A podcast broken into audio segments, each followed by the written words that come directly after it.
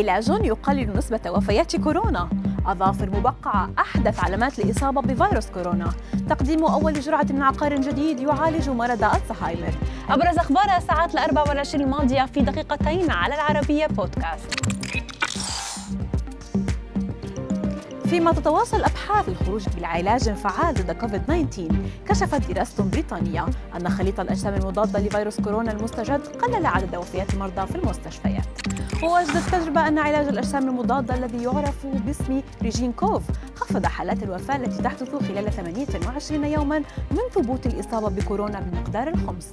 وذلك بين المرضى الذين يعالجون في المستشفيات. ونال العلاج الموافقة على الاستخدام الطارئ في الولايات المتحدة للمصابين بأعراض خفيفة إلى متوسطة.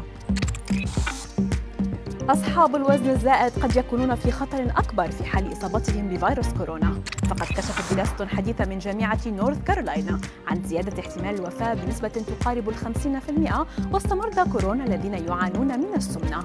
وعن فعالية أقل للقاح كورونا في حماية المصابين بالسمنة مقارنة بغيرهم.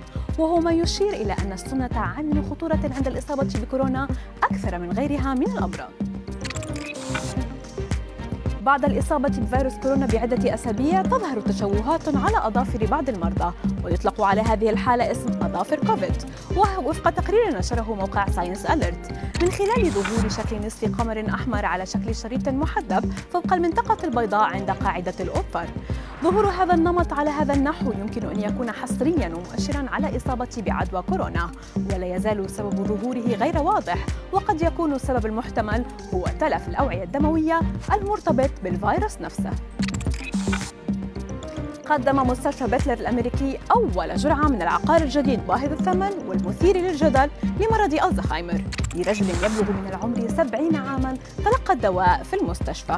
وكانت شركة الأدوية الأمريكية بايوجين حصلت على موافقة إدارة الغذاء والدواء الأمريكية لاستخدام عقار أوتكانوب لعلاج مرض ألزهايمر.